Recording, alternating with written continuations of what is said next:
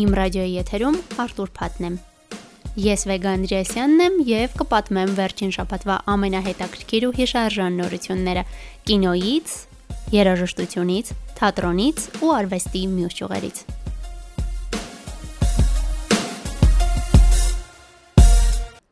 Նորություններ Օսկարից նախ վերջապես հայտնի են այս տարվա հաղորդավարները։ Մրցանակաբաշխությունը վարելու են դերասանուհիներ Էմի Շումերը, Վանդա Սայքսը եւ Ռեգինա Հոլը։ Սա դեռ ամենահետաքրքիրը չէ։ Այս տարի կինոմաններն իրենք էլ կարող են ընտրել իրենց ֆավորիտ ֆիլմը կամ տեսարանը on-line քվեարկության միջոցով։ Այս նորաստեղծ անվանակարգի համար հաղթողները կստանան ոչ պաշտոնական մրցանակ։ Ի դեպ, քվեարկողներից 3-ին կտրվի միջոցառմանը մասնակցելու բացառիկ հնարավորություն։ Ինչպես արդեն պատմել ենք, այս տարի Օսկարը կանցկացվի մարտի 27-ին։ Լոնդոնում Կուրտոյի պատկերասրահը հայտնվել է քննադատությունների թիրախում Վան Գոգի ցուցահանդեսի ընթացքում ներկայացված հուշանվերների պատճառով։ Հոգեկան առողջության կարևորության մասին խոսող ակտիվիստները թանգարանին մեղադրում են հոգեկան խնդիրները ծաղրելու մեջ։ Ցուցահանդեսին ներկայացված են եղել կտրած ականջի տեսքով ռետին, Վան Գոգի հոգեկան առողջության հետ կապված սարկաստիկ դիզայնով օճառներ եւ այլն։ Մեղադրանքներից հետո պատկերասրահը հանել է նմուշները վաճառքից, փոխարեն այժմ նրանց կայքում կարելի է ձեռք բերել Վան Գոգի նկարներով քարտեր, որոնք պարունակում են օգտակար խորհուրդներ բարդ հոգեբանական վիճակում գտնվողների համար։ Չնայած Եվրատեսիլում այս տարվա մեր ներկայացուցիչը դեռ հայտնի չէ, սակայն մրցույթում արդեն կա հայազգի մասնակից, Էստոնիան Եվրատեսիլ 2022-ում ներկայացնելու է հայազգի երկիչ Էստոնիայի Տարտու քաղաքի Մաշտոց Տարտու Տալին հայկական Կիրակնորյա դպրոցի շրջանավարտ Դվին քարյակի երկիչ Ստեփան Այրապետյանը։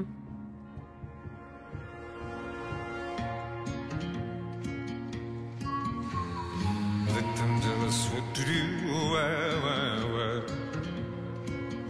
Die what he thinks. Yeah, yeah, yeah.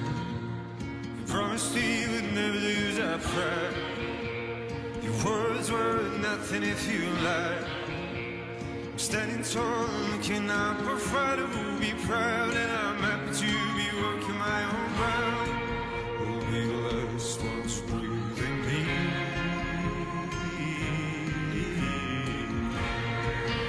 I said.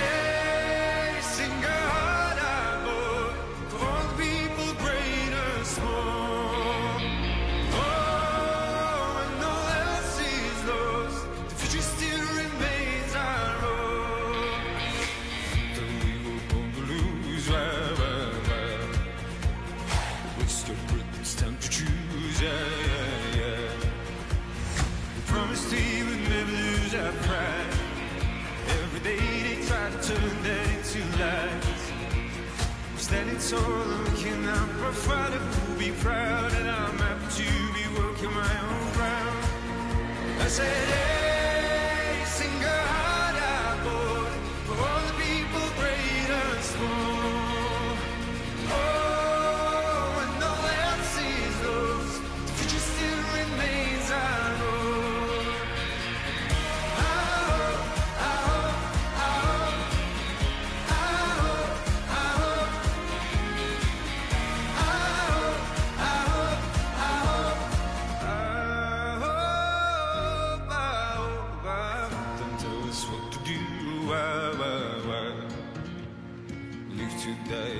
Things, yeah, yeah, yeah. No matter what they try, tearing up our lives, I know we will always rise.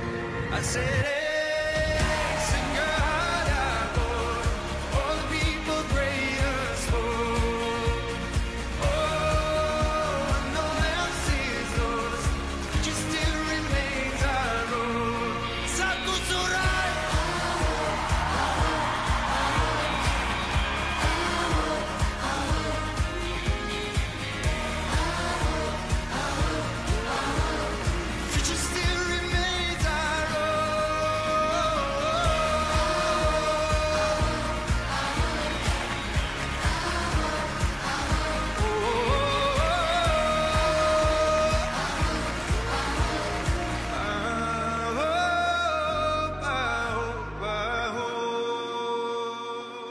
Փետրվարի 19-ին Իտալիայի Բելունո քաղաքի Պալացո Ֆուլչինի մեծ դահլիճում հայկական արմատներով իտալացի գրող գիտնական Անտոնիա Արսլանը կներկայացնի ճարտարապետ Արազարյանի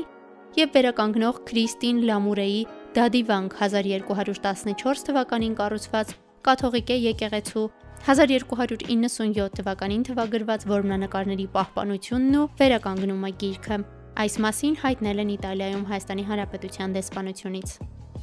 Փետրվարի 27-ին Արնո Բաբաջանյան համերգասրահում տեղի կունենա Ռեմի Փանոսյան ջազ տրիոյի համերգը։ Ռեմի Փանոսյան ջազ տրիոն հիմնադրվել է 2009 թվականին Ֆրանսիայում եւ հասցրել է 5000-ից ավել համերգներով հանդես գալ շուրջ 40 երկրում։ Խմբին աննախադեպ հաջողություն բերեց հատկապես տրիոյի 10-ամյակին նվիրված հոբելյանական 5-րդ ալբոմը In Ad We Trust, Այն ներառված է մի շարք նշանավոր ռադիոալիքների ալբոմների ցանկում եւ երկար ժամանակ առաջնորդում էր Deezer, Spotify եւ այլ հարթակների երաժշտացանկերը։ Կազմակերպիչները հայտնում են, որ տրիոյի կազմում հանդես են գալիս Ռեմի Փանոսյանը, Մաքսիմ Դելպորտը, Ֆրեդ Պետիպրեն։ Տրիոյի համերգը կազմակերպել են Ջազի հայկական ասոցիացիան Հայաստանում Ֆրանսիայի դեսպանության եւ Հայաստանի պետական ֆիլարմոնիայի հետ համատեղ։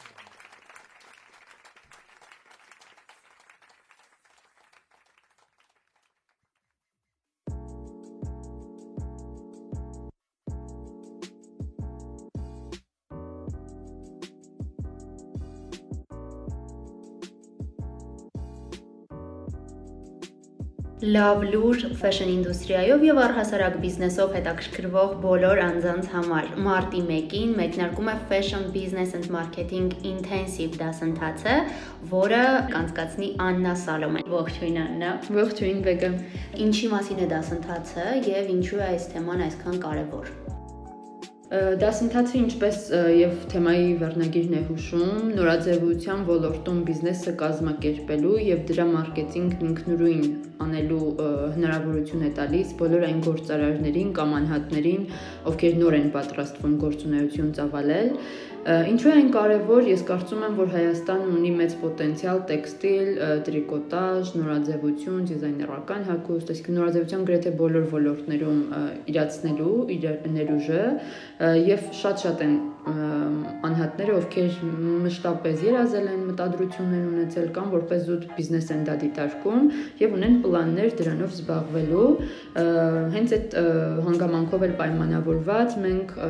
այնքան կարևորեցինք այս թեման, որ դեռևս 3 տարի առաջ սկսեցինք այս նաև կրթական ծրագրերը զուտ բիզնեսից զատ։ Ես շատ հաճախ եմ կրկնում, աշխատակիցներս նույնիսկ կատակում են, որ նորաձևությունը միայն հագուստը չէ, ինչպես ընդունված է անվանել, հա, կան կարծրատիպեր, որ նորաձևությունը դիզայներական հագուստն է, որ նորաձևությունը բացառապես դիզայներների մասին է։ Նորաձևության ոլորտ ասելով մենք իրականում հասկանում ենք եւ հագուստը, եւ աքսեսուարները, եւ այն հարակից ոլորտները, որոնք ձևավորում են մեր լայֆսթայլը, կենսակերպը։ Դա ընդհանրում է, որ մենք խոսում ենք նաեւ ռեստորանների, սրճարանների,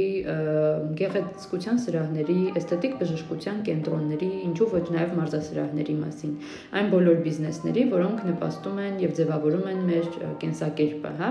Հետևաբար այս բոլոր ոլորտների ներկայացուցիչները, լինի դա գործող արդեն բիզնեսի սեփականատեր աշխատակից, թե մարդ ով պատրաստվում է գործունեություն մեկնարկել ոլորտում, իրեն կարող է հետաքրքրել դասընթացի ծրագիրը։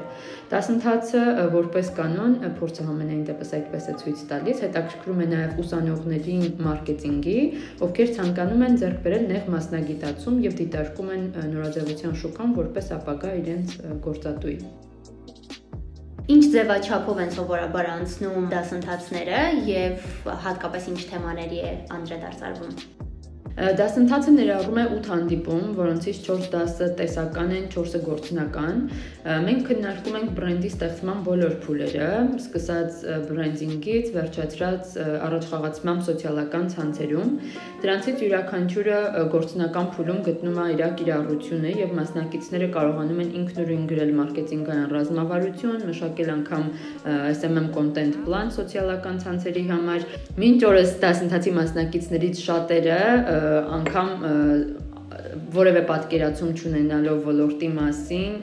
արդեն իսկ ունեն հաջողության հրաշալի պատմություններ եւ ստեղծել են բիզնեսներ, որոնց վաճառքները ամեն հաջորդ ամիս զարմացնում են մեզ էլ մասնակիցներին էլ, բայց դասընթացին մասնակցել են նաեւ հայտնի եւ ճանաչված բրենդերի ներկայացուցիչներ, ինչպես սեփականատերեր, այնպես էլ բրենդ մենեջերներ կամ մարքեթինգի բաժնի աշխատակիցներ։ Դա եւս նպաստում է level up-ին եւ աշխատանքին նոր որակով, նոր հայացքներով մոտենալու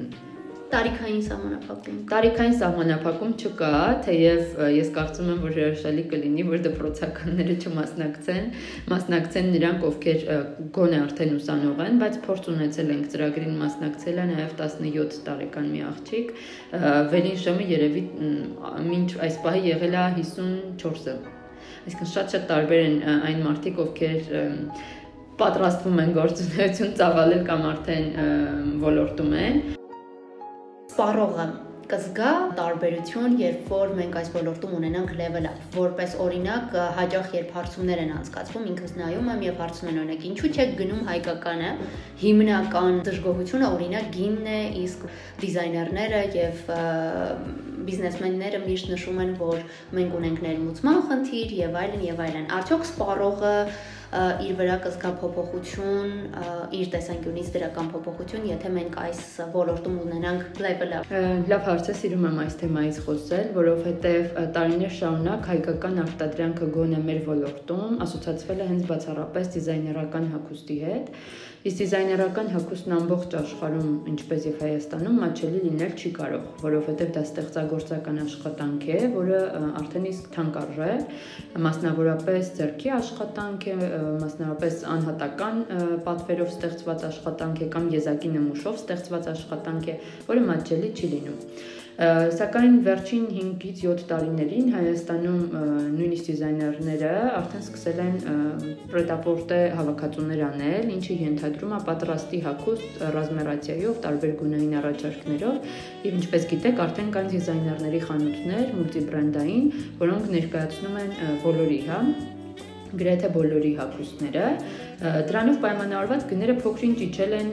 այն գներից, որը մենք նախկինում էինք լսում։ Ինչ վերաբերում է լայն զանգվածների շրջանակներում, հա, տարածված խոսակցություններին եւ վերաբերմունքին, ես կարծում եմ, որ սպառողը դա կզգա եւ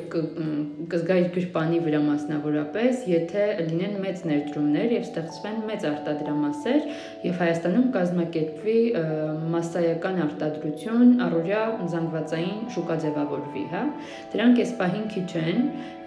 եւ միայն մասշտաբի հաշվին է, որ արտադրողը կարողանում է իջեցնել գինը որովհետև հակառակ դեպքում մեկ հագուստից մինչև 10 օրինակ կարելու դեպքում ծախսը եւ